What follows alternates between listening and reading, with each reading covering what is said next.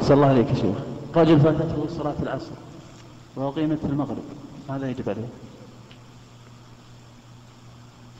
نعم رجل فاتته صلاة العصر نعم وأقيمت صلاة المغرب وهو لم يصلي العصر نعم يا شيخ ماذا يجب فالسؤال ماذا يجب عليه؟ يدخل معهم نعم يدخل معهم في صلاة المغرب وإذا سلم الإمام أتى ب- ب- بالرابعة نعم